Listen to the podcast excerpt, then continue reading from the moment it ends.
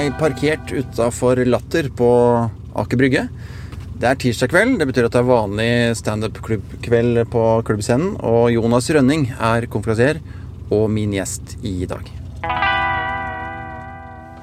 Hei, Jonas. Hei, Yngve. Hyggelig. Det hyggelig. Du klemmer deg med høretelefoner. Jeg klemmer med høretelefoner, jeg går ikke. Ja, det går ikke. Ja, du er, eh, du er backstage og koser deg. Du, jeg har snakka med Johan her nå litt om eh, alt fra Alt fra Tunnel over Hønefoss, restaurantbransjen i sin helhet. Ja. Og alkoholforbruk i, i restaurant- og komedieverden. Ja. Mye å snakke om der. Ja, mye å ta tak i. Så fikk jeg akkurat en tekstmelding her nå. Det er fra deg, det. Her på Latter nå. Er du backstage oppe? Ja, jeg er det. Tydeligvis. Ja, Ja. ja. Eh, hva, hva driver du med om dagen? Det er en stund siden jeg har sett deg. Du øh, jobba jækla mye, egentlig, siste, siste etter, etter at sommeren begynte. Eh, Så slutt, altså slutta, men høsten begynte, heter det. Høsten kommer tidsnoks, Ja. for å sitere Anne Grete Preus. Ja. Ja. Uh, Anne Grete Prøysen, som hun egentlig heter. Skal få inn høst i morgen. Eh, jeg har jobba ganske mye forskjellig. Standups, firmajobber og Så jeg har hatt en uke opptak, for jeg er med i se- Okkupert sesong to. Hvor jeg faktisk spiller komiker. Er det sant? Ja, Litt sånn eh, Dag Sørås-typeaktig komiker, men som ikke har hatt suksess.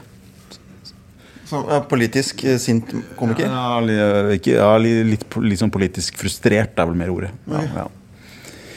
Som starter en YouTube-kanal. Ja, så man får, får, da får han litt tilhøre, da.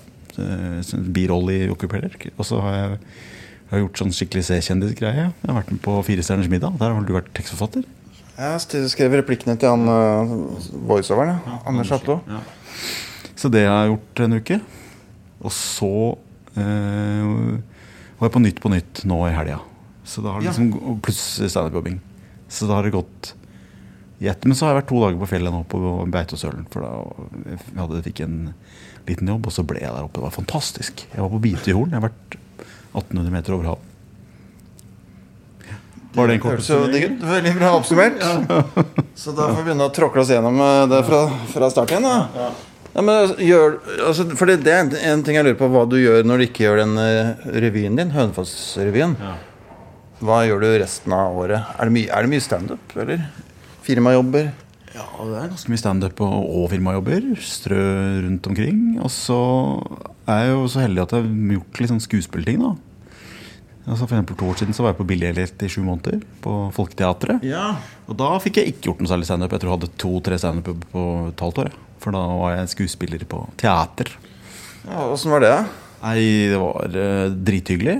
Veldig fint stykke. Og gøy. Det vel kanskje noe av det mest seriøse jeg har gjort. Det var gøy å liksom gå inn i den gjøre en rolle som tilsynelatende Jeg var boksetreneren som litt komisk og litt type, men du skal, jeg skal spille den på alvor. Mens i revy så spiller, jo, spiller du liksom mer endimensjonalt på tull, på en måte. Ja.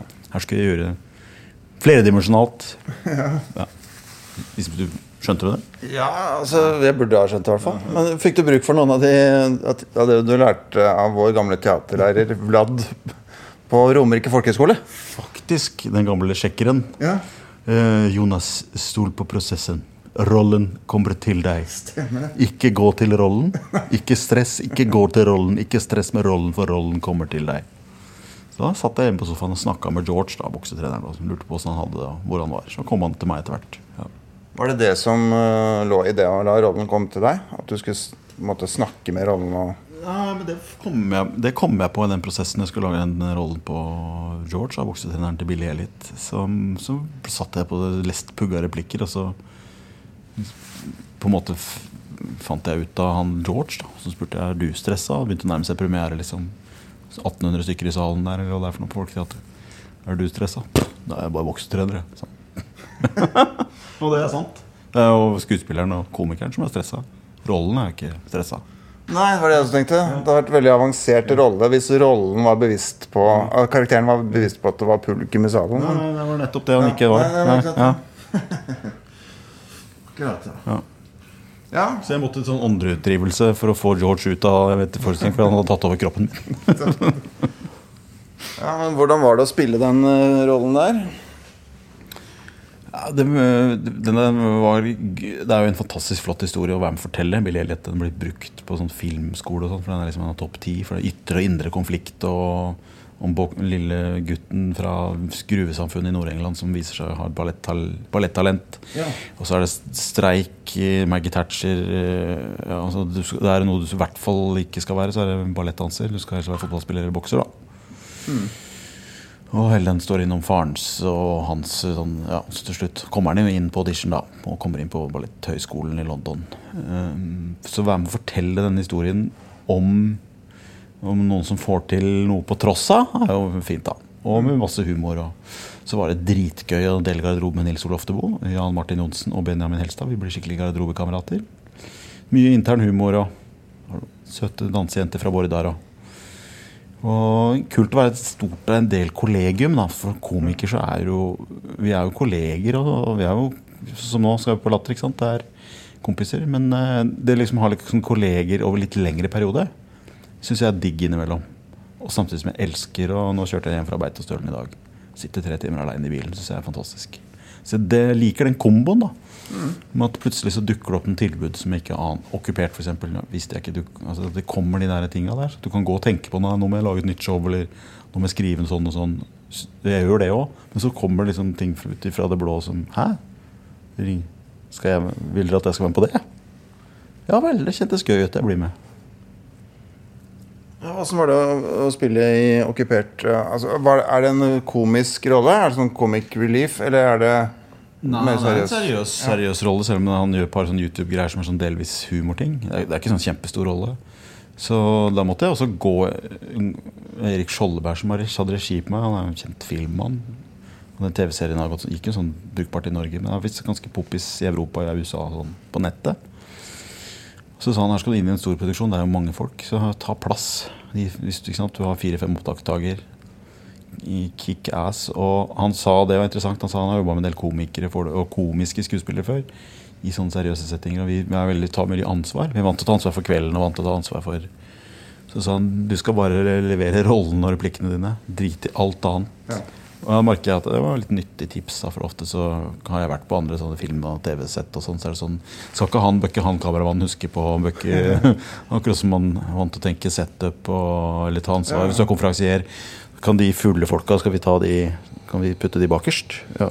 Ja, ja, så. Så, men på et filmsett er liksom, det er så mye fagfolk, det er så mye greier at bare lever. Var det kjøleskap som begynte å suse igjen nå? Ja. Jeg bare går og trekker ut kontaktene. Jeg har gjort det før. Hei, du. Halla. Bra. Johan, ja, ja, hvilken rolle er det du har her på latteren, Det er jeg faktisk litt usikker på. Jeg er vaktmester. Jeg er den som er ansvarlig for alt går rundt her på huset. Alt fra gjesteopplevelse til penger, til at komikerne har det bra, til at vi bygger for fremtiden. Ja, men Når du sier vaktmester, så er det med litt gåsehud Dagleder. Dagleder, ja. ja. Ja på Latter. Latter og Standup Norge. Og Standup Norge, ja. og nattlig leder. Og nattlig, nattlig leder også. Ja. Det kan ordspille Jonas fra. Ja. Da er det greit at vi napper ut eh, kjøleskapskontakten mens vi prater, eller?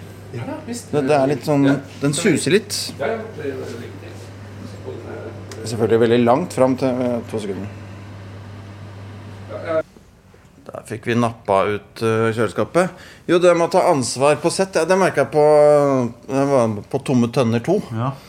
Så, så jeg tror det var der at jeg tilbød meg å bære noen stativer for en lydmann. Fikk ganske streng beskjed om at jeg ikke skal gjøre. Det er noen fag, fagforeningsgreier. Hvis det skjer noe et eller annet, så ja riktig person skal gjøre riktig oppgave. Det er ikke din fagfunksjon, fikk jeg høre. Det stemmer, det. Du er, du er ikke fagutdanna lysmann? Lydmann? Nei. Altså. Nei men, men, vi er vant til å, man er jo ja. som komiker vi er vant til å ta ansvar. Du har jo båret noen lydstativer, tenker jeg. Eller, ja. ha, du, mikrofonstativ, hvor står det? Ja. Har vi jo spurt arrangører om. Ja, ja, ja.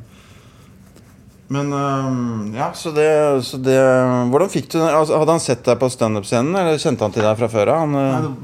Eller hvem var det som Var det regissøren som valgte deg ut? Eller var det casting? Castingbyrå. Ja. Som, uh, Stella Casting, som han ringte meg plutselig og spurte kan du komme på en prøvefilming. Da var det på en annen rolle, offiserrolle, som jeg leste på dagen før og satte meg litt inn i. Så sa han ja, det gikk fint, takk for det. men jeg har den rollen her, og så bare ga hun meg papir. Se på den i fem minutter, og så bare filma hun det. Og det var den rollen som jeg fikk, da. Ja. ja.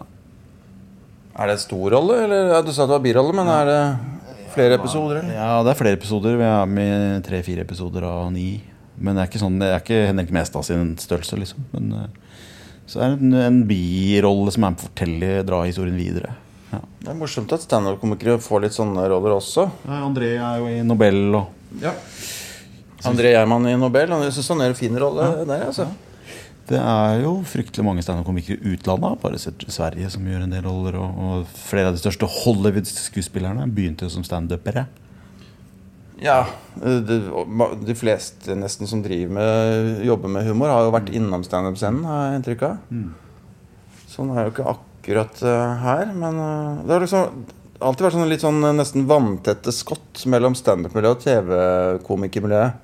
Det har blitt litt bedre. Men eh, har, I hvert fall mellom skuespillerkomiker og skuespiller Altså Standup-komiker og skuespillerverden har det ikke vært veldig mye overganger. Nei. Det har vært litt sånn eh, Tommy og Dagfinn spilte Blanke Messingen, og, og Thomas Giertsen har gjort litt uh, film og sånn, men av de som er liksom veldig veldig kjent som standup-komikere, har det ikke vært sånn eh, Noen, ja eh, Nei, det er i ferd med å løse opp igjen. Ja. Altså når vi begynte med standup på midten av 90-tallet, så var det veldig mange som ble dratt inn i litt sånn TV-greier. Eh, det var det jo, men det var liksom kortvarig, egentlig.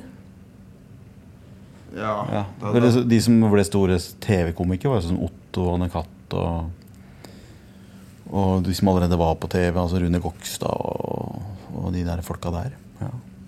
Jeg husker jeg var kjempesur for at jeg ikke ble spurt om å være med i programmet egentlig.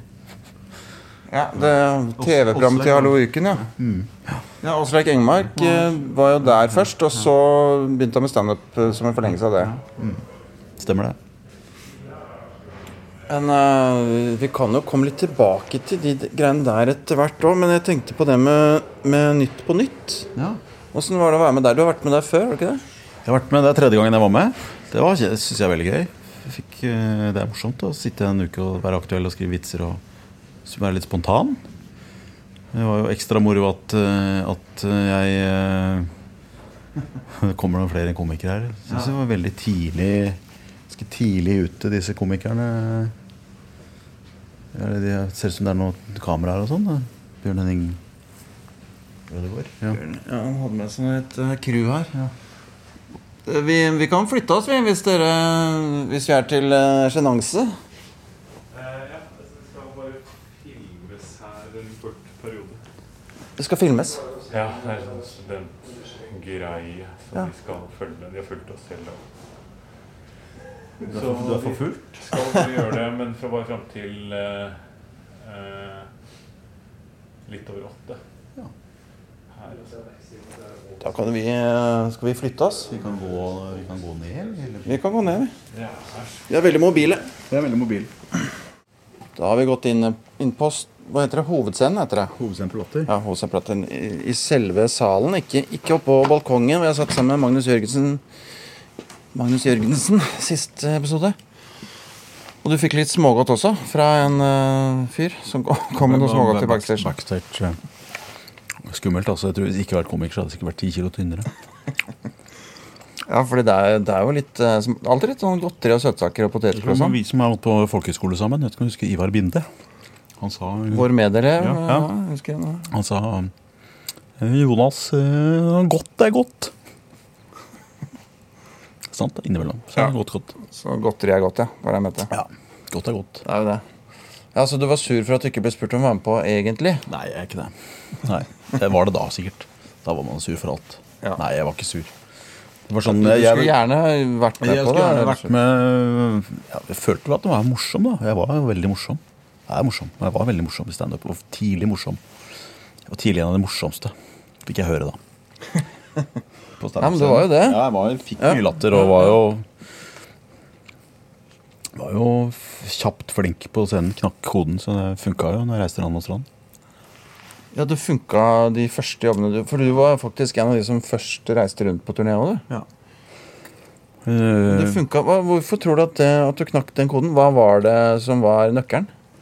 Nøkkelen var vel litt sånn Litt den rett fram-humoren jeg hadde, og hadde, har det enda, men det var veldig kjapt. Det var mye tør, lite tørrprat og rett, mye rett til punchline.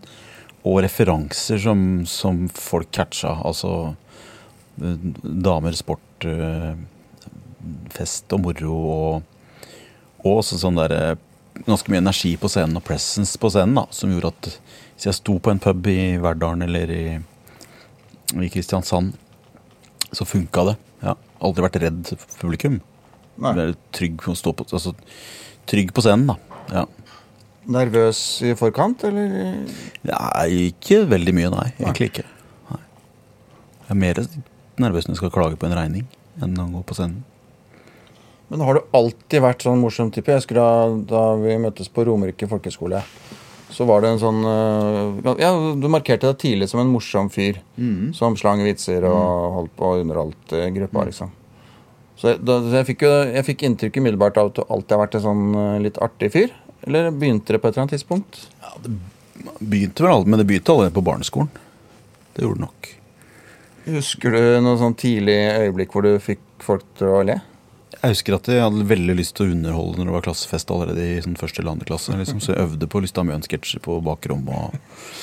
Og, og eh, jeg husker det var sjett, seks, jeg bodde i Bærum til jeg var seks og underholdt på sånn barnehagegreie da jeg var seks år. Du, Hvor i Bærum var det? Hosle. Du sier Hosle, ja. Ja. Hosle? Ja, Horsle. Ja, ja ok. Nå, da, da, da er det det det heter. Da. Jeg trodde det het Horsle, men jeg er fra Jeg vet ikke hva det et annet sted. bare. Ja, ja. Uh, Hosle? Ja. Ikke meningen å pirke på det, egentlig, men øh, ja. Ja. Så eh, Da husker jeg da var jeg dødsnervøs, for da ble jeg spurt om jeg kunne underholde. For jeg hadde kledd meg ut som en neger. Hvis det er lov å si. Det er ikke lov å si. Men hadde sånn krøll og maracas. Du refererer nå til hva du kalte det den gangen? Ja. Ja. ja. En eh, med, med sånn skikkelig krøllete parykk og, og maracas, hadde jeg husker jeg. Så, så, sang jeg noe Elvis eller et eller annet, tror jeg. Nettopp, ja. Ja. Så det var første opptreden, Det var som du husker? Ja, Første opptreden jeg husker. Ja. Husker du følelsen av Husker at jeg var egentlig, jeg det var ganske spennende, men egentlig var jeg kjempestressa og nervøs. Men jeg tror eh, Sånn barnehageunderholdning er jo ikke på et ekstremt lavt nivå, så det skal ikke så mye til før folk syns det er brukbart. Nei, men For deg var det sikkert eh, viktig, Jeg da. husker følelsen rett før, Ja. og så uh, synes jeg det er gøy. Men så når jeg kom inn på etter hvert på barneskolen, og det var sommer, sommeravslutning, og jeg, man skulle ha litt underholdning, så Jeg var på jakt etter hele tiden muligheter til å kunne opptre, eller være morsom, eller gjøre noe, vise noe. Om det var speideren eller korps eller eh, sånt. Så var det leirbål, så var jeg først ute og finne ut på noe leirbålunderholdning. For du vokste jo opp eh, etter Bærum, så var det Jevnaker, ikke sant? Ja, stemmer. Jevnaker. Bodde der fra jeg var 60. Jeg var egentlig til vi gikk på folkeskole. da. Ja, så, offisielt fram til jeg var 21 år. Mm. Og det er eh, rett utafor Hønefoss, er det ikke det? Ti minutter. Hadelands glassverk, hvis du har vært Ja, ja, har vært der, absolutt. absolutt. Jeg stekte vafler der hver sommer. Som sommerjobb. Nettopp. Hadde sånn sport, blant annet jeg og Per Halvor, som jeg jobba sammen med. Vi sto og stekte vafler, og da utfordret han meg til å Jonas, drikke en kopp vaffelrøre på styrten og sånn, og det, det gjorde jeg. Ja, og, og, og ha, altså Jevnaker, er det, er det sånn bondeaktig Samfunn? Veldig land, landlig? Ja. Det er jo veldig landlig der. Bor 6000-7000 mennesker per i dag, tror jeg nå. Eh, Det er jo litt industri. Det var jo da Norema lå der, Halland Klasseverk var jo den gang stor. To par hundre. Men også mye gårder og poteter og sånn også. Men Så var det ti minutter til Hønefoss, som var liksom byen, da. ja, du vokste opp eh, ikke på gård, du, eller? Var det det? Nei, jeg vokste- opp i vanlig bolighus. Ja, ja, Ja, ja. Mm. nemlig, nemlig. Og, altså, og med Du har noen søsken òg? Jeg har en storebror som er eldre enn meg, som uh, var litt sånn var litt forbilde, for han var jo i speideren og drev med ting. Og han spilte jo i korps og var med i kor. Altså, var jo, han gjorde, storebrødre gjør jo det som man lillebror syns er kult. eh, Ofte. Også en lillesøster, en søster som er halvannet år yngre enn meg. Som også, så vi er tre søsken. Ja, så du er, du er rett og slett i midten der? Ja. Ja, for det, da, Dritten i midten. ja. Og så er det ikke, en, er det ikke også en sånn teori om at uh, komikere ofte er de som er yngst, eller? Er det de som er eh, Ja, det er vel men, I midten være ja, det kan være forskjellig. forskjellig. men altså at denne midten må liksom gjøre mer ut av seg for å bli lagt merke til. Det er vel sikkert noen teorier på hvert enkelt barn. Ja, ja, ja. Ja. Hva driver dine søsken med i dag, da? Broren min han er leiemorder, og søsteren min er eh, Sier du det? Ja. Så forskjellige dere er blitt. Søsteren min jobber som brødknekker på Vasa. Knekker brød. Nei, nei da. Min, eh, min bror jo, jobber i FN, er siviløkonom eh, av utdannelse, men jobber med HR og er per disse dager i Kabul. Men har bodd i Kina, Pakistan, Thailand, eh, Roma, Etiopia, Sør-Afrika og nå Afghanistan. Så han er en verdensborger med sin familie, ikke til Kabul. Og min søster er journalist i NRK Vestfold. Ja. Ja, nettopp, ja. Har vært i Bergen og Trondheim og P1 og forskjellig, men nå har hun fått familie og sånn, så hun har roa litt ned og er vanlig distriktsjournalist. Ja. Ja. Ja, Har ikke du besøkt broren din rundt omkring i verden? Jo, ganske mye. Ja. vært i Kina, Thailand selvfølgelig. Da drev hun et horehus på si, som var veldig greit. Eh, Roma og i Sør-Afrika. Jeg angrer på at jeg aldri kom meg til Pak- verken Pakistan eller Etiopia, som har vært veldig spennende land å besøke. Ja. Åssen er Kina hvor, Kina var jeg besøkt den. Hvor, ja, hvor i Kina var det? Det var i, i, i Beijing. Eh, Peking, som det het før. Eh, og Peking, og det går an. Jeg prøvde på et ordspill på Peking. an, Ja. Men eh, det var jo på 90-tallet så var jeg som tok med meg Beijing-influensaen tilbake til Europa.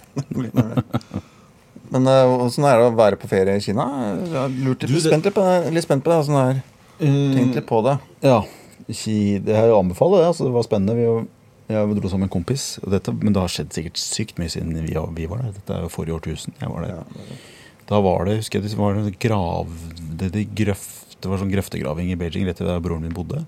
Det var ikke gravemaskin. Da kom det inn liksom en hel rekke med menn i dress og hver sin spade og sto og gravde. Akkurat. For det er jo billigere enn å leie gravemaskin. Absolutt. Ja, det er kanskje Ja, det. ja. I hvert fall var det det den gangen. Ja. Og så var vi i Guangzhou, som er helt sør. Ikke så langt fra Hongkong. Der var jeg på et spennende marked hvor det var all slags mulige dyr. For det var skorpioner, slanger, hunder, grevlinger. Selv til alt. De spiser jo alt i Kina. Ja, altså levende eller døde? Ja, begge deler. Grevlingene var døde. Ja, men åssen er kinamaten i, i Kina? Er det vel, Folk sier at den er så annerledes og vestlig. Jeg spiste fantastisk kinamat der. Ja. Men de har ikke vårruller. Er jo, de kommer først på høsten. Merker at du har det i blodet det med ordspill og sånn. ja. Men, men eh, ja, jo, eh, i familien òg, var det sånn uh, eh, å si, i familien òg? Ja, det har vært mutasjonsråd hele veien. Har alltid vært på jakt etter en vits. Ja. Ja, ofte det. Men det var flere som var Både mutter'n og fatter'n kan være festlige, og broren min og søstera mi også. Men jeg var vel den som var mest pådriver. ja. Og de foreldra dine igjen, hva er det de Hva, hva slags leve er de? Ja? Eh, Har eller hatt de, har- de lever og Nei, men altså.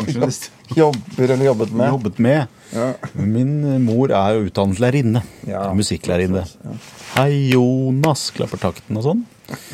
Eh, er- og veldig, egentlig ganske teatralsk og liker å opptre. Faren min er eh, markedsfører og eksportsjef på Har jobba med i maling på Jotun. Alf Bjerke da jeg var ung mann. Så, ja, så jobba han med Tandberg Radio. Solgte båndspillere. Språklabber på 70-tallet. Språkkurs, da, eller? Nei, siden jeg på videregående hadde man sånn språklab. Man satt med hver sin sånne spolebånd, og så hørte man på sånne gloser. Så satt alle elevene i hver sin sånn bås. Det heter språklab. Det må du sjekke Ja, ut. men det, det fikk jeg aldri være med på. Nei, det er så vidt jeg fikk med meg det på.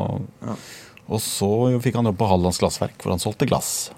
Flotte glass. Og så fikk han jobb på Arcus, vin, eller det som var Vinmonopolet den gangen, og solgte akevitt til tyskerne. Det var egentlig det han gjorde.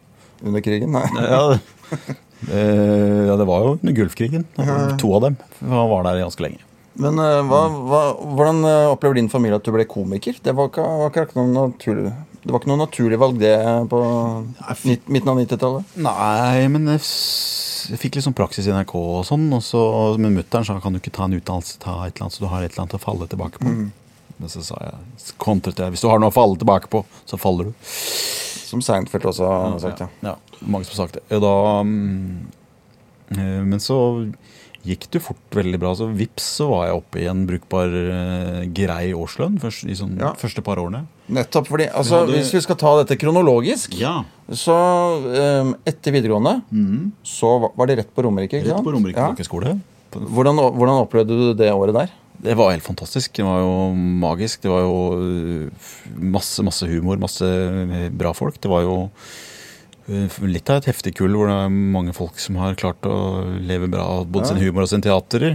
Vi kan, vi kan nevne Yngve Skomsvold, Ja. Linn Skåber, Kristoffer Skau Erik Ulfsby, Jan Særlid, Heidi Goldmann, Aslak Guttormsgard.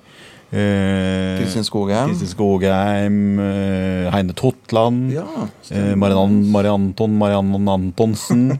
eh, Katrine Lunde som synger. Det, har vi, det er enda flere. Ja, og Hva heter han som har gjort det stort tror jeg, med musicals og sånn i Tyskland? Ja, eh, Espen Novakki. Nemlig. Ja. Lars eh, Reinert Olsen, skuespiller. Ja. Uh, uh, og det er flere. Det er jo en del Tone Johnsen, som er film, uh, filmdame. Vi har Mari Medios, som er produsent.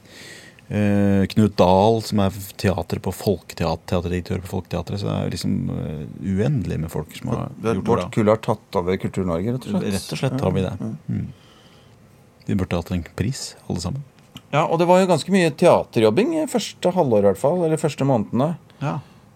Improleker ja, improleker og ja, Det blir, blir jo omtalt som eh, en slags forskole til teaterskolen. Mm. Det er jo det ennå. Ja. Altså, to-tre av Min nevø gikk der nå i fjor. Og da gikk jo to av Skam-skuespillerne gikk der. Ah, ja, ja. Men hva har det betydd for eh, humorkarrieren og sånn? Jeg tror det betød mye i den forstand at her er det mulig å Vi fikk en push på å fortsette å velge den retning. Eh, Vi lagde jo masse gøy, og mange som hadde lyst Mange som fortsatte etter de var ferdig på Romerike, i retningen av å holde på Altså det ble sånn Man løfta hverandre. Litt sånn liten sånn felles bølge som man flere tok med seg videre. Jeg gikk jo rett i militæret, men var velferdsassistent og spilte revy mens jeg var i militæret. Ja. Så gikk jeg på, Året etter der så gikk jeg på Danvik folkehøgskole, som underviste i høyskoleundervisning. Så jeg fikk media, kommunikasjon, grunnfag. Fikk praksis i NRK.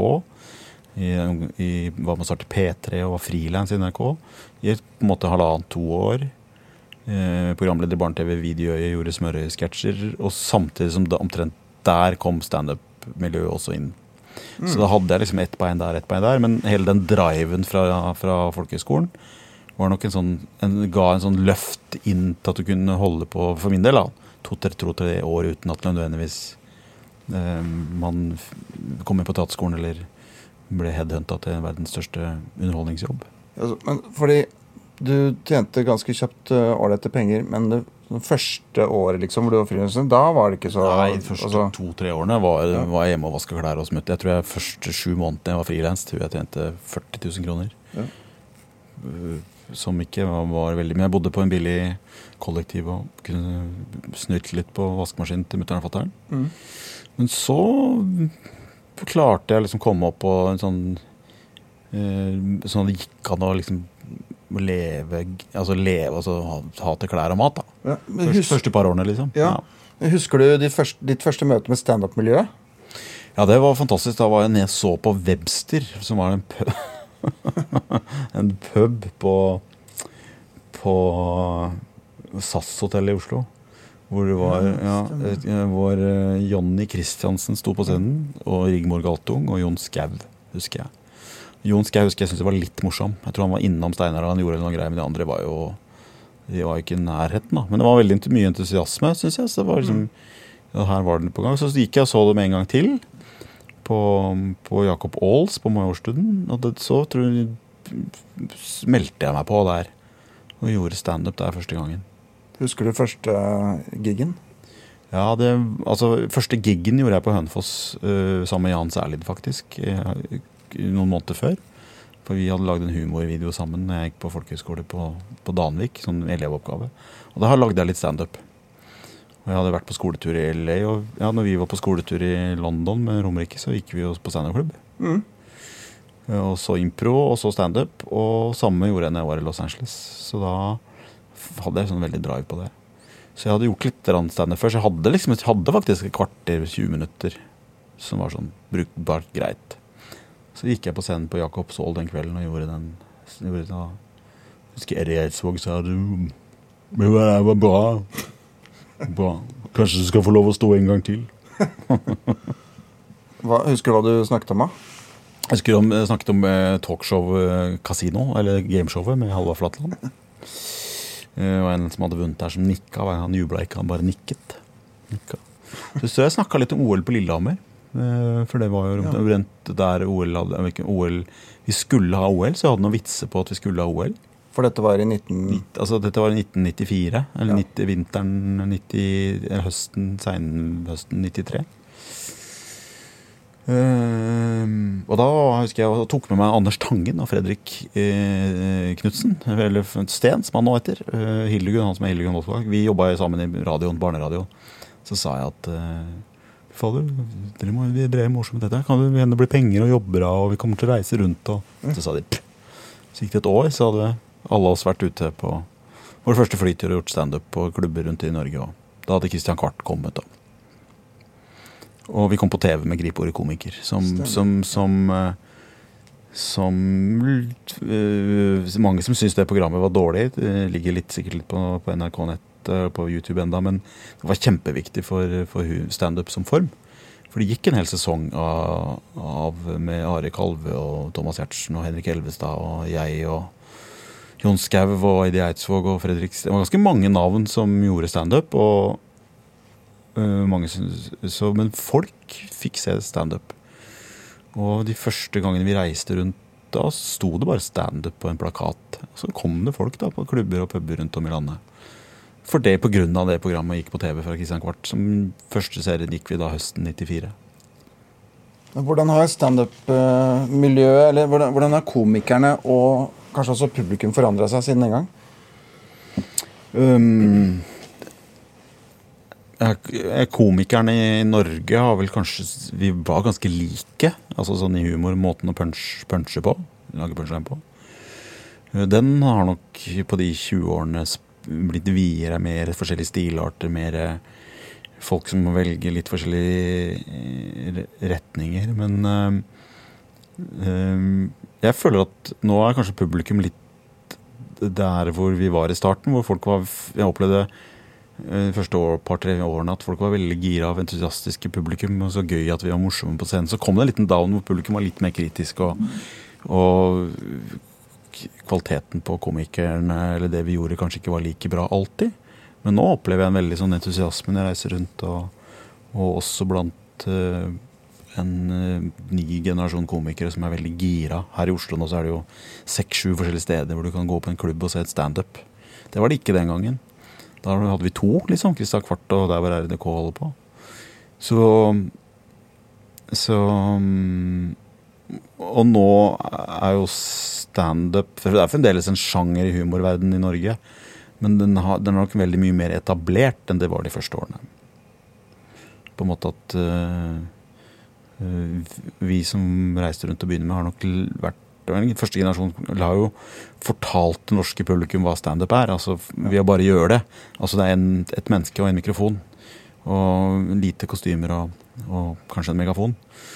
Og, og de første gangene man reiste rundt, så tror jeg kanskje det var litt uvant for særlig litt, litt eldre folk den gangen. At noen skulle bare Skal du, skal du fortelle vits, eller skal du, skal du liksom fortelle om hva du syns om ting? Skal du mene noe? Skal du Ditt perspektiv på ting? Det var nok litt rart for noen, da.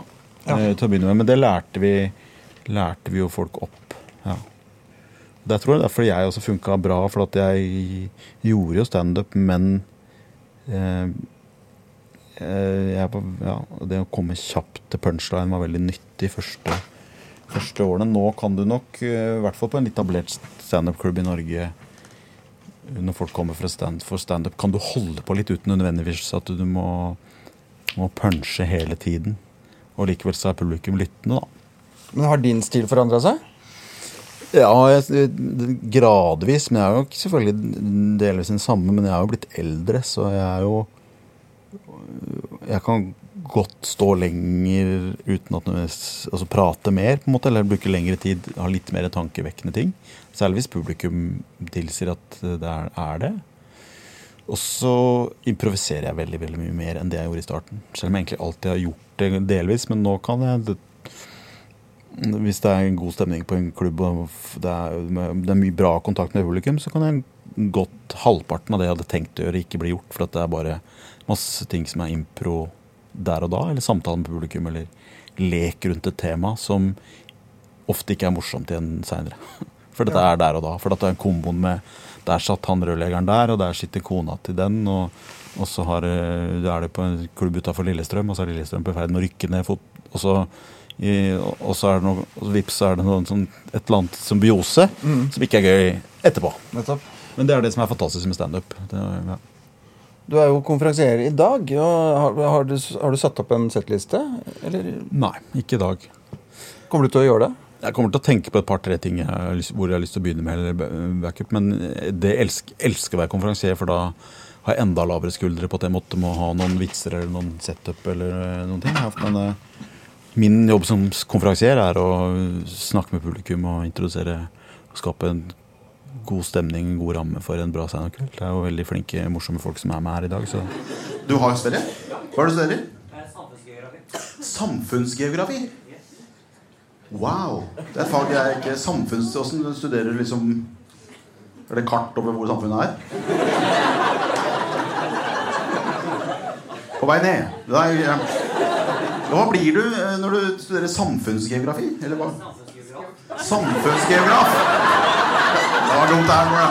Det er jeg som er dum. Men jeg har jo en harddisk med materiale jeg kan plukke fra. Jeg på, kom rett fra Beitostølen i dag, så kanskje det blir et par vitser om å være på fjellet. Høstferie. Ja, vi får se. Skriver du masse materiale, eller eh, bruker du som sagt eh, harddisken fra gamle ting? Jeg har, har jo egentlig veldig mye materiale på harddisken. Eh, De siste tre-fire årene har jeg ikke kanskje produsert mest nytt, nye standup-materiale, men det kommer likevel små bolker hvert år. Eh, eh, men jeg har liksom vært litt sånn streng med meg sjøl på det. Men jeg har jo de siste 15 årene har jeg produsert og skrevet et nytt show i året som er en revy. da Hønefoss-revyen, som det også er standup-elementer i. Så jeg har jo produsert fryktelig mye, egentlig, siste, siste årene.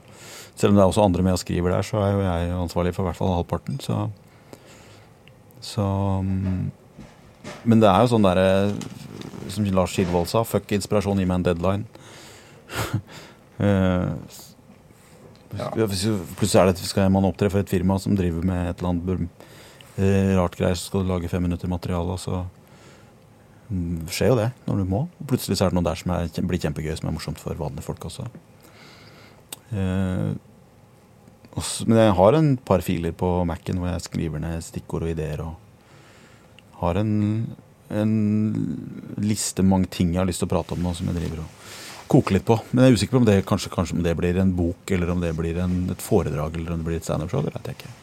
Hvordan jobber du fra idé til ferdig tekst? da? Jeg, det koster ikke meg så mye å gå på scenen med bare en idé, eller med to-tre liksom, enkle setup med noen punchlines, og se hva som skjer. Uh, som av og til så når jeg gjør standup, så kan jeg godt gjøre det, men noen ganger kan det også være helt ferdig. Altså, Nå gjorde jeg Nytt på nytt forrige uke, ikke sant? hvor vi får temaene på mail. og så Da skrev jeg jo egentlig ganske mange vitser på kort tid. Jeg brukte en dag på å se alle sakene, og så var det jo tre av fire sider med, med setup og punchlines. Ja. Så mm, eh, Det er litt forskjell på standup og revy, så er det jo er jo tekstforfatter for den showet. Da må jeg skrive da må vi, Der har vi, lager vi for mye. Det er derfor vi har fått så bra suksess. Så vi, vi vet at revyen skal være på en 14, rundt 14 nummer. Og da må vi, når vi begynner å øve, så bør vi ha par og 20. Så koker vi ned. Og også koker ned inn, skriver om numrene hele tiden. Så da eh, så, så jeg har ikke noe sånn fast, fast formel på det, men um, både i standup og særlig også revymonologer, så skjer det mye når du har bare, For min del har skissa i hånda, har en rammeverk, har en, en liten løype, har noen setter på noen temaer. Så hiver jeg meg utpå, så skjer det noe i kontakten med publikum for meg veldig. Ja. Ja, Så du, du tester ut disse revytekstene Ja. på en eller annen Ja, og standup-tekster også.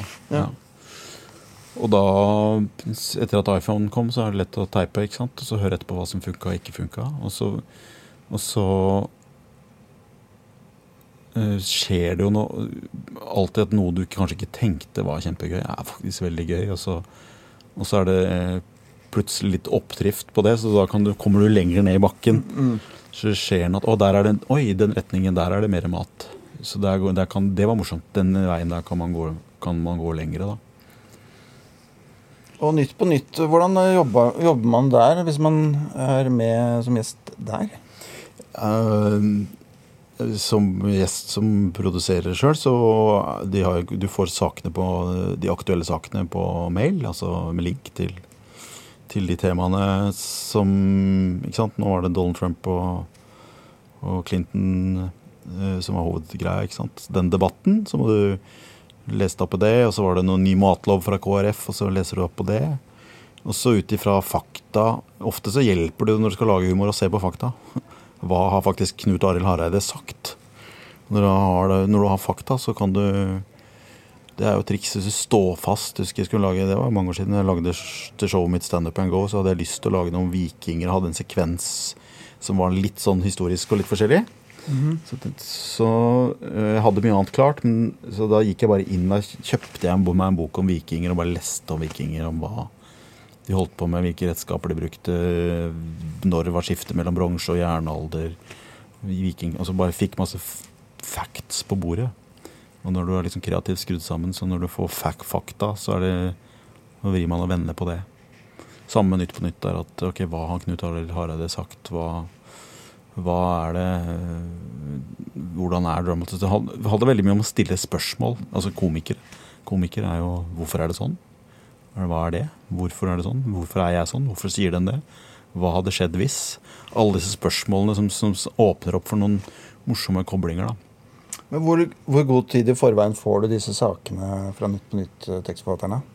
Uh, opptak uh, torsdag kveld. Får du mail av tirsdag, onsdag og torsdag. Ok, Er det noen møter også, eller? Jeg møter en par timer før, og så går gjennom og drodler litt sammen med- den du er på lag med, og så skyter man.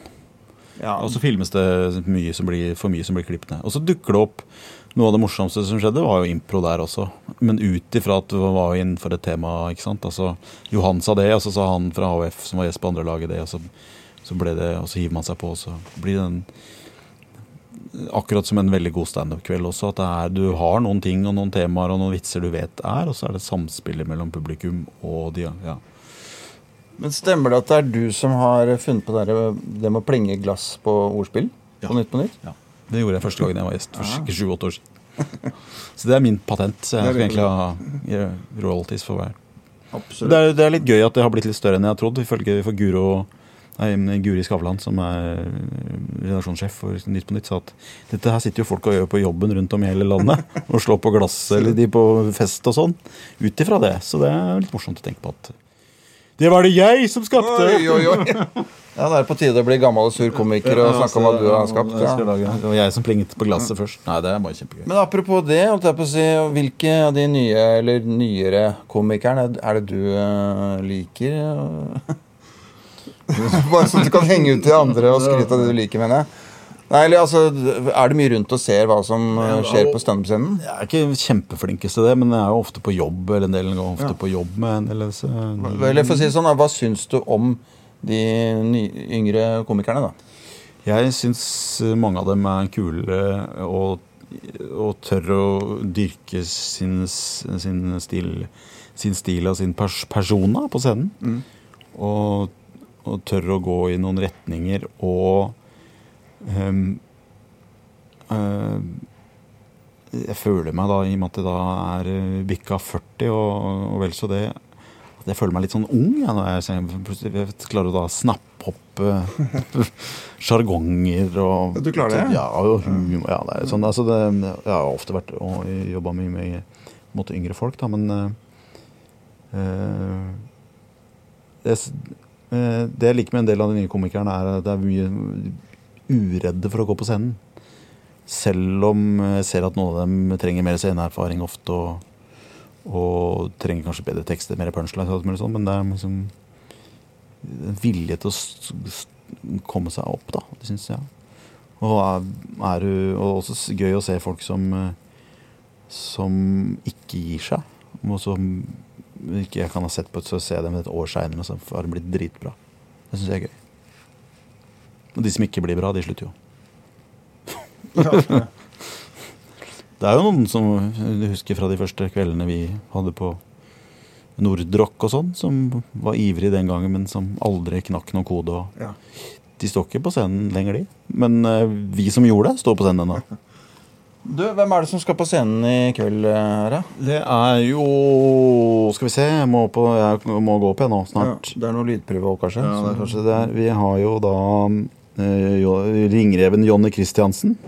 Ja, selveste. Selveste. Og så skal Ørjan Bure faktisk gjøre en åpen mic. Jonis Josef, Vidar Hodnekvam eh, og Bjørn Henning Ødegård. Ja. Ja, det er bra lag i dag. Altså. Ja. Har du sånn gjennomgang med de, eller er det slutt på det? Så mye av det før, Nei, vi skal kanskje? bare sånn uh, halvtime før, så eh, har du temaene du skal prate om. Ja. Ja. Men da skal jeg la deg få forberede deg, så kan du kanskje komme tilbake til den gjennomgangen eh, der. Ja, ja. ja, ja. Det er mye høstferie her nå. Det er mye komikere som ikke skal på jobb. Mats Hadler. Farlig. Og Ørjan Bure på åpen mic. Det er jo, skjønner at det er høstferie og komikere har litt å gjøre. Kommer du å komme på. Sånn var det når vi begynte på Christian. Og på, da var vi, jo aldri, da er du alltid på standup, selv om jeg ikke skulle opptre. Stemmer det? Så å si alltid på standup på tirsdag. Det har jeg slutta med. Det har slutta med. Nei, jeg hender jeg drar på standup, men det er ikke så Jeg må ikke gå glipp av noe. Nei. Men er det solgt noen billetter i dag, da, siden det er høstferie? Ja, Ørjan Bure har gjort et rush på sine sosiale medier, så vi har solgt Istedenfor 78, så er vi nå 140.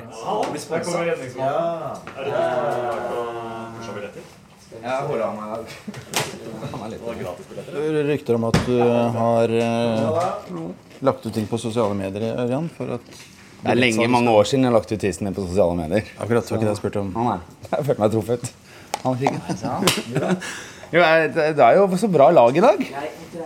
Det er en eh, glimrende gjeng her. Så da er det jo høst, og folk eh, glemmer å tro at alt er stengt. Så da gønna jeg litt på. Så får vi det gøy. Det er jo fantastisk. Hva gjorde du for noe? Hva la du ut, da? Jeg la ut at uh, i dag blir det kjempegøy på, uh, på Latter, og jeg har fått lov å stå i ti minutter også, så jeg gleder meg masse. Og så er jo Marna Jørstad. Så, så da er det jo ekstra gøy. Skjønner, skjønner. Gressenkemann. Det må vi kose oss med. Da tar vi en eh, kjapp gjennomgang. Ørjan. Åpen, åpen mikk. Nazi-Jonas! Bare så vi vet tematisk hva vi skal sånn cirka hva vi skal gjøre, så vi kan jo begynne med sistemann. Eh, barnehage. Så har jeg en greie på latter. Og katter. Latter og katter. Ja, det rimte. Jeg er veldig god på det. Da begynner vi med Hodnis. Sånn cirka. Pappaperm, verden forandrer seg eh, i, i, i lys av eh, mine faderlige instinkter. Nå måtte jeg plutselig jo Siden det har mikk i trynet. Eh, Ikke tenk på det. jeg tror det Kautokeino. Kautokeino, ja. Opprøret. Opprøret. Ja. Det er jo sånn 1978 selv. Og ikke Kautokeino generelt. Ja, sånn det er der oppe nå. Akkurat. En uh, Jonis, hva skal du prate om? Eh, marxisme, økologi, litt moderne politikk. Og, og ja, det er det jeg tenkte på. Eller om at jeg er svart. Altså, jeg tar det siste. Men det var moderne politikk. Det andre er sikkert eh, kjempebra. Moderne historie. Burøe. Eh, alt som har med fili å gjøre. Fri, ja. Eh, fili. Pedofili, homofili.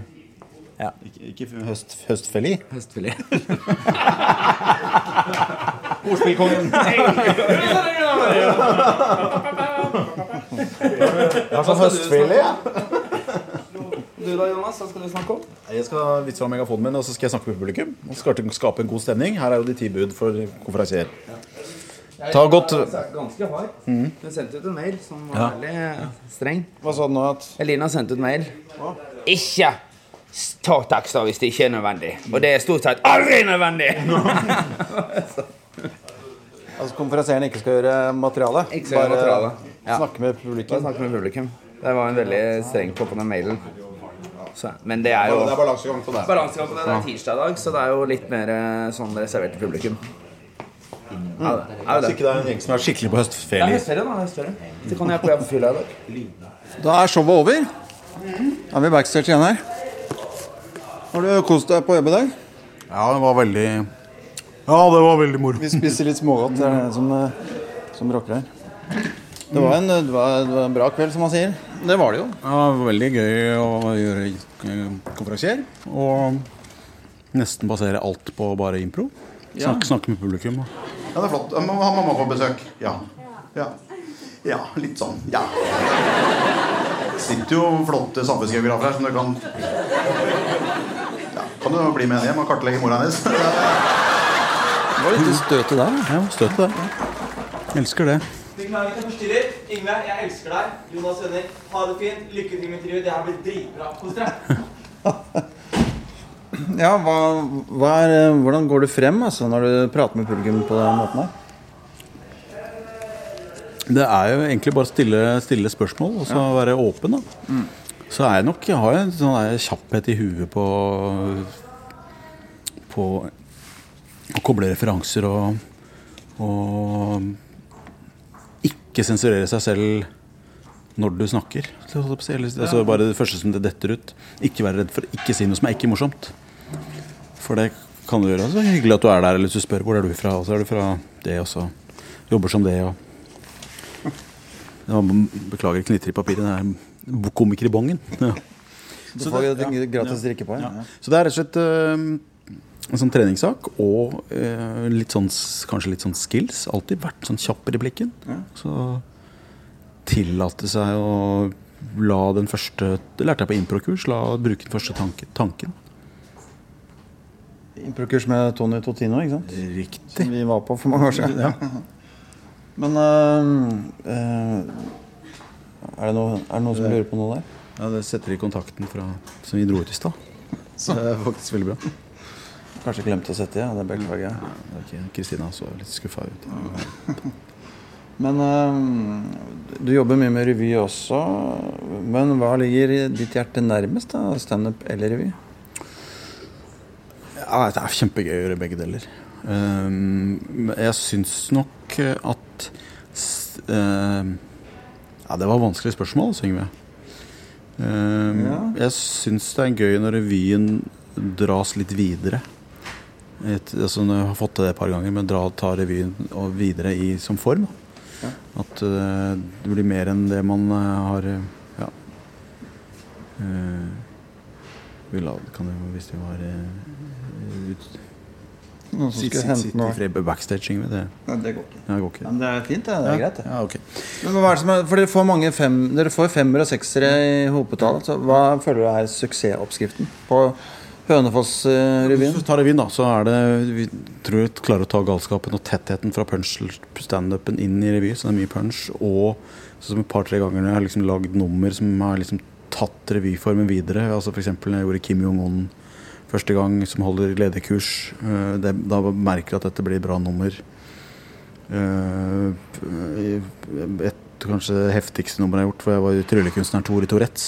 Tryllekunstner med Tourettes. Spill på Tore Torell. eh, Ja, ja, to ordspill som ble morsomt, morsomt. Og så syns jeg standup er fantastisk. Sånn som i kveld når det er eh, klubbstandup. Det er mm, flinke folk på scenen, og den derre Man får til den derre eh, greia som i dag, sånn improen jeg hadde med publikum, som er morsomt der og da. Det er aldri morsomt igjen, for at det er der og da. Og, og mm, det er jo sånn der man Som alle komikere tror jeg liker å føle seg intelligente. Og det, og det vil si at du klarer å skape poenger der og da, og levere poenger til publikum som er overraskende for dem. Det er et humorvirkemiddel der at det å, det å skjønne, en, skjønne en vits, skjønne et poeng, eh, gjør at man føler seg smart. Det er bra for huet.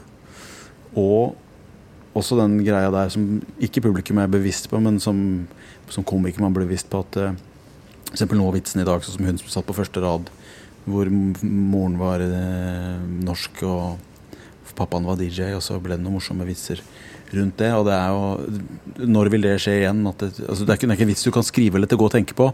Når du lager vitser på det. Det skjedde der og da, og det skjer ikke igjen. Og det vet publikum. Selv om ikke de tenker over det, men intuitivt så merker de at dette er en der og da-opplevelse. Fra Blackpool. Ja, ok. Wha- What's your name of your daddy? Richard. Wow. How did he come to Norway? Come to Norway? Hva sa du? Vi møtte da Norwegian Lady. Ja. Mamma, hvor da? På Tenerife i Syden, ja. ja, ja. Han var DJ. Og samtidig som det er andre vitser som eh, kan nærmest virke uslitelige, sånn som noen av de der uh, megafonvitsene. Ja. Som du føler at publikum orker å høre om igjen og om igjen. Eller, eller tror jeg det er nye publikummere? For noen av dem er, har, har jo brukt en stund. Ja, eh, Eller er det det at den der megafonen gjør at man syns det er gøy å høre det om igjen fordi du leverer litt annerledes? Og det er en effekt i tillegg til vits. Jeg tror det er en kombinasjon av det du sier. Og så er det sånn at det er noen ganger her som 17. mai-talen eller Bodil kom hit litt-vitsen. Som hvis ikke jeg tar den, så blir folk sure. Men jeg synes det er veldig gøy når vi flyr. Og, øh, for alltid når vi flyr, så sier jo alltid pørseren før vi tar av, øh, så sier han alltid 'boarding completed'. Men det høres ut som han sier 'Bodil kom hit litt'. Hører du? Bodil kom hit litt. nå. Det er nesten sånn han sjekker opp Bodil, kanskje. Liksom. Og det er sånn det, det- for det jeg syns er morsomt sjøl, så, så, er så, ler, så, så ler folk av det. Men når er det dere begynner å jobbe med neste års eh, Hønefoss-revy? Jeg har et sånn uh, liten notat på iPhone hvor jeg noterer standup-ideer, revyideer, som er bare sånn setup. Kan være låt jeg hører på radioen som kan være gøy å kødde med. Uh, jeg, eksempel, jeg hørte en Matt Bianco-låt på radioen her. Husker du dem? Ja. Get Out Your Lazy Bed. 80. Som jeg tenkte, det var en kul låt. Kanskje går an å lage noe på den. Så jeg vet ikke om det blir noe. Men vi, vi begynner å drodle litt i januar, og så skriver vi Jeg og bror Andersen, som skriver mesteparten, skriver en del i Har et par møter. Skriver en del i april. Og så skriver vi veldig mye i slutten av april, og så begynner vi å øve med skuespillere fra 1. mai fram til premieren slutten av mai. Men vi skriver i hele prosessen og la, trikser at vi lager for mye. Og vi har sett av og til at en uke før premieren at ok, første, etter første gjennomgang med publikum at her mangler vi Mangler kanskje en retning på, på, på et nummer, eller mangler en type Vi trenger et monolognummer, så har vi satt oss og skrevet det. Eller plutselig så fikk Norge null poeng i en Grand Prix. Og så, så det tror jeg gjør at vi er, vi er veldig freshe når vi gjør eh, gjør revyen. Vi har flere ganger skrevet om I år, f.eks. Beste sketsjen i år, kanskje så kritikermessig, var 'Skatteparadis hotell'. Der skrev jeg første utkast. Og så var det noen få poenger der som funka. Så overtok Bror, for han hadde sett mye mer på, på Paradise Hotel enn meg. Og så endte vi opp når vi liksom hadde en slags låt som vi lagde sammen, utvikla sammen med skuespillerne. Så det er en sånn kombinasjon. At vi er villige til den der greia der. Og særlig etter så mange år, så er det sånn Vi er blitt bra på håndverket, og at liksom Når du holdt på å lage et show én gang i året i, i 15 år, så så får du en rutine samtidig som vi har klart å bevare sultenheten. Og så er det fryktelig fryktelig deilig å vite at det kommer, kommer folk hvert år. Altså vi vet, Jeg kjenner kollegaer som setter opp show som er usikre på om det kommer folk. Vi veit det kommer 16 000-17 000 hvert eneste år. Og det er jo en gave, da. Hvor lenge tror du at du kan holde på med denne vina? Eh, Jeg kan si det. Jeg hadde lyst på pause her for et par år siden, men det er jo veldig gøy. Så jeg skifta litt fokus på at det er en bra sommerjobb. Eh, Og så er det bruker jeg revyen på Hønefoss til å utvikle nye karakterer og parodier og, og ting som jeg, jeg eh, kan ta med meg videre til standup-scenen, til firmajobber, til andre show. Jeg har spilt Julelatter her. Eh, Kanskje det kan bli noe TV av noen av karakterene. Ja. Uh, ja. Hvordan ser en vanlig arbeidsdag ut for Jonas Rønninga? Jeg har vel ikke en vanlig arbeidsdag, men, men en sånn vanlig dag er Våkner nå i ni Hvis jeg har vært på jobb ja, i kveld, våkner i morgen i ni-ti-tida. Tar en kaffe. Leser litt aviser. Hvis jeg har noe Så er det litt eh, administrasjon, da. Er min egen Kanskje en mail og en telefon og litt sånn praktisk. Og hvis jeg har en eh, jobb, så er det f.eks. en telefon til et firma. Skal jeg levere revy om, revymøte om to uker, så bare så skriver jeg litt på en sketsj. Eh, og så eh, har jeg jobba med min siste, så sånn i 4-50-a. Hvis jeg sånn- ja, eksempel skal til Sandefjord på en firmajobb, så må jeg setter meg i bilen, da, gjerne før rushen. Så jeg, kontoret mitt er mye i bilen. da. Liker å kjøre, kjøre bil og tenke litt og sånn. Så kan en annen dag være selvfølgelig fullt av prøver, eller at jeg er på, på jobb hele dagen. Eh, Men jeg har egentlig, et, når du spør meg nå, jeg har jo egentlig mer, enda mer kapasitet enn det jeg Jeg er glad i, i, i sofaen og sitte på Grünerløkka og drikke en kaffe. Ja, Hvis du har mulighet til det, så hvorfor ikke? Ja, og så er det helt absurd. Jeg har flere ganger sittet og trøkket på en idé, og så Eller nå må jeg jobbe nå, så Nei, uff. Stikker jeg ut og treffer noen, eller bare tar en kaffe på kaffebrenneriet, kaffebrenneri, og så blar jeg i en avis. Vips. Så detter ideen ned, og så faller noen tre-fire stikkord på plass, og så veit jeg åssen det nummeret blir. Da, eller standupen blir. Åpninga der, midten der, og så skal jeg gå ut på det. Så kan du sitte, brukt fire timer hjemme og sitte og trykke. Men Før du skjønte at du kunne jobbe med eller leve av humor, hva hadde du tenkt å bli da? Hadde du noen tanke om det? Eh, som deg, da. Jeg drømte om å bli trommeslager. da. Spilte jo band. Ja. Det var viktig. Jeg spilte i band helt til jeg var eh, 27 år. Eh, så det var liksom en sånn drømgreie. Så er jeg fryktelig glad i iskrem. da. Det er kommet om, jeg har lyst til å starte en isbar en gang. Oh ja, sånn sett. Ja, ja, så lage en, eller lage is. Og, Altså en egenprodusert is? Ja, ja. Det har vært fryktelig moro.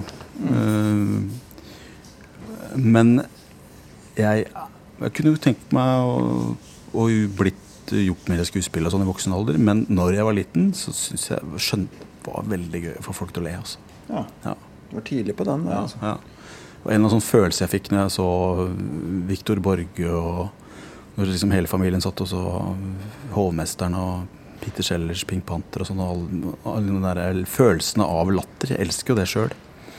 Det er faren av å bli komiker, at du slutter å le så mye for du blir som fagmann. Men i dag var det, lo jeg og Jonny hadde noen nye ting jeg ikke hadde først, Men jeg synes det var utrolig morsomt. Det er når, når liksom jeg blir overraska av andre komikere. Som, som får et tankespinn eller en tankerekke eller noen ideer jeg ikke har vært i nærheten av å komme på selv. Det syns jeg er kjempegøy. Da syns jeg standup er fantastisk. Er du fortsatt like opptatt av økologisk mat, eller?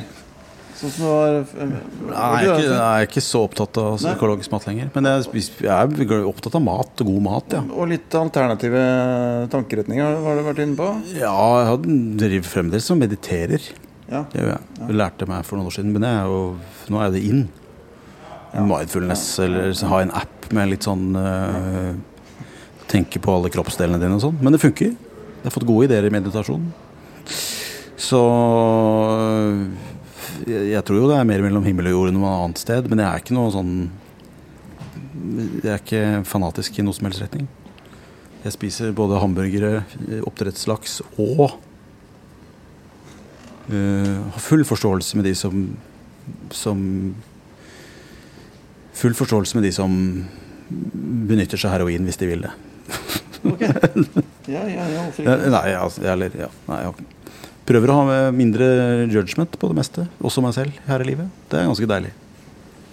Det vil si altså la folk være og drive med den hvem, hva, hvem, hva, hvordan de er. Uansett hvem de hva, hva de er.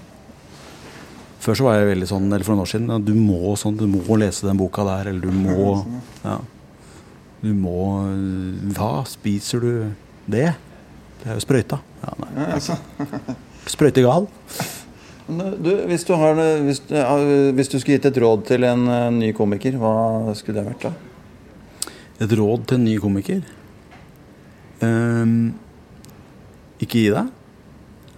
Uh, stol på følelsen av det du syns er morsomt. Ikke hør på alle mulige andre. Og um, det er ikke så viktig å måtte være på alle nachspiel. Eller være på uh, kjendis, så- såkalte kjendisfester og sånn. Er du morsom? Det er som fotball. Er du bra nok, så kommer du på landslaget. Selv om akkurat norske landslaget er ikke så bra om dagen. Da. Altså i fotball. Komedielandslaget syns jeg er ganske bra.